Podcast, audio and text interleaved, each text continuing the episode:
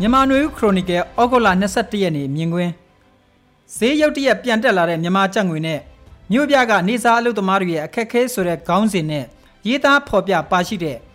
တည်င်းမြင်ကွင်းဆောင်းပါးမှာအခုလိုရေးသားဖော်ပြထားတာကိုဖတ်ကြားတင်ပြလိုက်ရပါတယ်။ကျပ်2000တန်ထုတ်မယ်လို့စစ်ကောင်စီကထုတ်ပြန်လိုက်တာရဲ့စစ်ကောင်စီအစိုးရရဲ့နိုင်ငံခြားငွေလုတ်ကင်တဲ့ဘဏ်နှစ်ဘဏ်ကိုအမေရိကန်ကပိတ်ဆို့လိုက်ပြီးနောက်တောက်လျှောက်ကျဆင်းလာတဲ့မြန်မာကျပ်ငွေတန်ဖိုးဟာ ယနေ့မှာတော့ထိုးကျနေရကပမာဏတစ်ခုထိပြန်တက်လာတာတွေ့ရပါတယ်။ပြန်တက်လာတဲ့အကြောင်းရင်းကစစ်ကောင်စီကတရားဝင်နီးလန်းကရထားတဲ့နိုင်ငံခြားငွေအမျိုးအစားတွေဖြစ်တဲ့ဒေါ်လာ၊ယူရို၊ယန်၊ရင်းဂစ်၊စင်ကာပူဒေါ်လာ၊ယွမ်ဘတ်တို့ကိုလက်ခံရရှိပြီးနောက်6လအတွင်းဒေါ်လာ1000အထိပမာဏဆိုရင်ဘန်စီရင်တဲ့ထည့်တာသို့မဟုတ်တရားဝင်ငွေလဲကောင်တာမှာရောင်းချတာလုပ်ရမယ်ဆိုတဲ့2014ခုနှစ်ကထုတ်ထားတဲ့အမိန့်ကိုယနေ့နေ့စွဲနဲ့ပြန်လည်ဖော်ပြလိုက်ပြီးနောက် အခုလိုဈေးကွက်ထဲမှာကြရက်ရိုက်ခတ်ပြောင်းလဲခဲ့တာဖြစ်ပါတယ်။ဒီအမိတ်မှာကန်ဒေါ်လာ1000ထက်ပိုတဲ့ငွေပမာဏဆိုရင်ဘယ်လိုစီမံရမလဲဆိုတာမဖော်ပြထားပါဘူး။တူတူပြောရရင်တော့လက်ထဲမှာကန်ဒေါ်လာပါဝင်နိုင်ငံခြားငွေတွေကိုလက်ဝယ်တွေ့ရှိရင်တရားဝင်နီးလန်းရရထားတာလားကာလအဖြစ်6လအောက်ဖြစ်မဖြစ်စတာတွေကိုစစ်ဆေးမယ်ဆိုတဲ့သဘောမျိုးဖြစ်တာကြောင့်လက်ဝယ်နိုင်ငံခြားငွေတွေ့ရင်စစ်မေးခံရနိုင်တဲ့အနေအထားလို့ဆိုရမှာဖြစ်ပါတယ်။အခုပြန်တက်လာတဲ့ပမာဏက ဈေးထိုးမကြခင်ကကြက်ငွေတန်ဖိုးထိတော့မရောက်သေးပါဘူးပြီးခဲ့တဲ့ရက်ပိုင်းကတန်ဖိုးအကျဆုံးချိန်ကမြန်မာကြက်ငွေတသိန်းပြည်တွင်းမှာပေးဖို့ထိုင်းဘက်ကနေဘတ်940လောက်သာပေးရတဲ့အထိကြာဆင်းခဲ့ရာကဩဂုတ်လ22ရက်မှာတော့ကြက်တသိန်းဘတ်1020လောက်ထိပြန်တက်လာတာဖြစ်ပါတယ်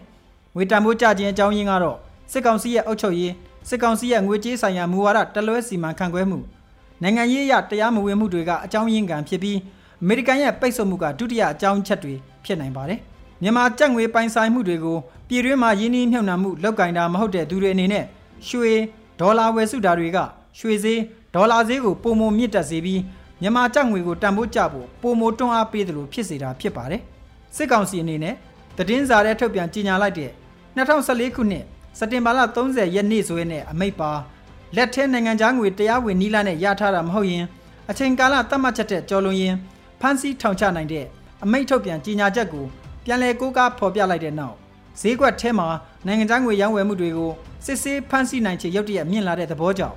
နိုင်ငံခြားငွေဈေးကျပြီးကြက်ငွေတန်ဖိုးပြန်မြင့်တက်လာတဲ့သဘောလည်းဖြစ်ပါတယ်။အခုသတင်းပတ်တွေမှာဖြစ်ပွားတဲ့ကြက်ငွေတန်ဖိုးကျဆင်းမှုဟာပြီးခဲ့တဲ့နှစ်ဩဂုတ်လအတွင်းမှာလည်းတကြိမ်ဖြစ်ပျက်ခဲ့ဘူးပြီးအဲ့ဒီချိန်ကပြည်တွင်းဘဏ်တွေကိုနိုင်ငံခြားငွေလွှဲပြောင်းမှုတွေကိုလွှဲပြောင်းမှုတစ်ခုချင်းစီမှာကုန်ပစ္စည်းတင်ပို့မှုလိုင်စင် အဖွဲ့အစည်းတွေရဲ့ပြည်တွင်းမှာမှတ်ပုံတင်ထားတဲ့တရားဝင်မှုမဝင်မှုတွေနဲ့တိုက်ဆိုင်စစ်ဆေးပြီးကန့်သတ်ခဲ့ရာက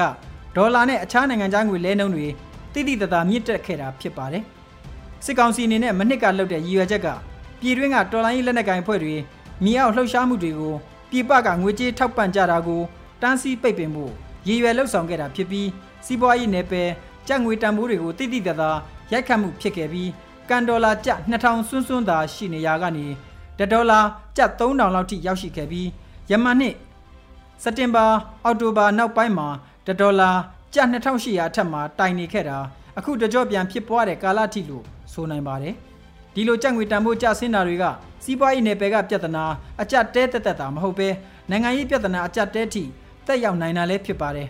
လောင်စာစီဈေးနှုန်းမြင့်တက်မှုစိုက်ပျိုးရေးလုပ်ငန်းသုံးမြေဩဇာဈေးနှုန်းမြင့်တက်မှုစားအုံးစီဈေးနှုန်းမြင့်တက်မှုဆန်ဈေးမြင့်တက်မှုနဲ့ ကုန်စည်ပို့ဆောင်ကခရီးစရိုက်တွေမြင့်တက်မှုတွေကိုစက်တိုက်ဆိုသလိုတက်ရောက်စေခဲ့တာတွေ့ရပါတယ်။လောင်စာဆီဈေးနှုန်းတွေကတလီတာကိုရန်ကုန်မြို့မှာတင်ကျ2400 2500အထိဝန်းကျင်မြင့်တက်လာတာတွေ့ရပြီးအခုရက်ပိုင်းတွင်စားအုံးစီတပိတ်သားကိုကျ1000ကျော်ထိမြင့်တက်လာတာဖြစ်ပါတယ်။အခုလိုကုန်စည်နှုန်းတွေရုတ်တရက်တိတိတသားမြင့်တက်လာပေမဲ့စက်ရုံလုပ်ရုံတွေမှာလုပ်ကိုင်နေကြတယ်။နေစားလုပ်အားကတွေကမြင့်တက်လာခြင်းမရှိတာကြောင့်မြို့တွေမှာနေထိုင်လုပ်ကိုင်နေကြရတဲ့အလုပ်သမားတွေအဖို့ တိတိတသားထိခိုက်ခံစားနေကြရတဲ့အခြေအနေမျိုးဖြစ်ပါတယ်။လောက်အားကပြောင်းလဲသတ်မှတ်ပေးတာမျိုးကိုစစ်ကောင်စီရဲ့အလုပ်သမားဝန်ကြီးဌာနကလစ်လျူရှုထားပြီးတရက်အနှိမ့်ဆုံးလောက်အားခကကျပ်4800ကနေပြောင်းလဲခြင်းသတ်မှတ်ခြင်းမရှိသေးပါဘူး။ရန်ကုန်မန္တလေးပဲခူးပသိမ်တို့လိုမြို့တွေမှာနေစားအလုပ်သမားတွေ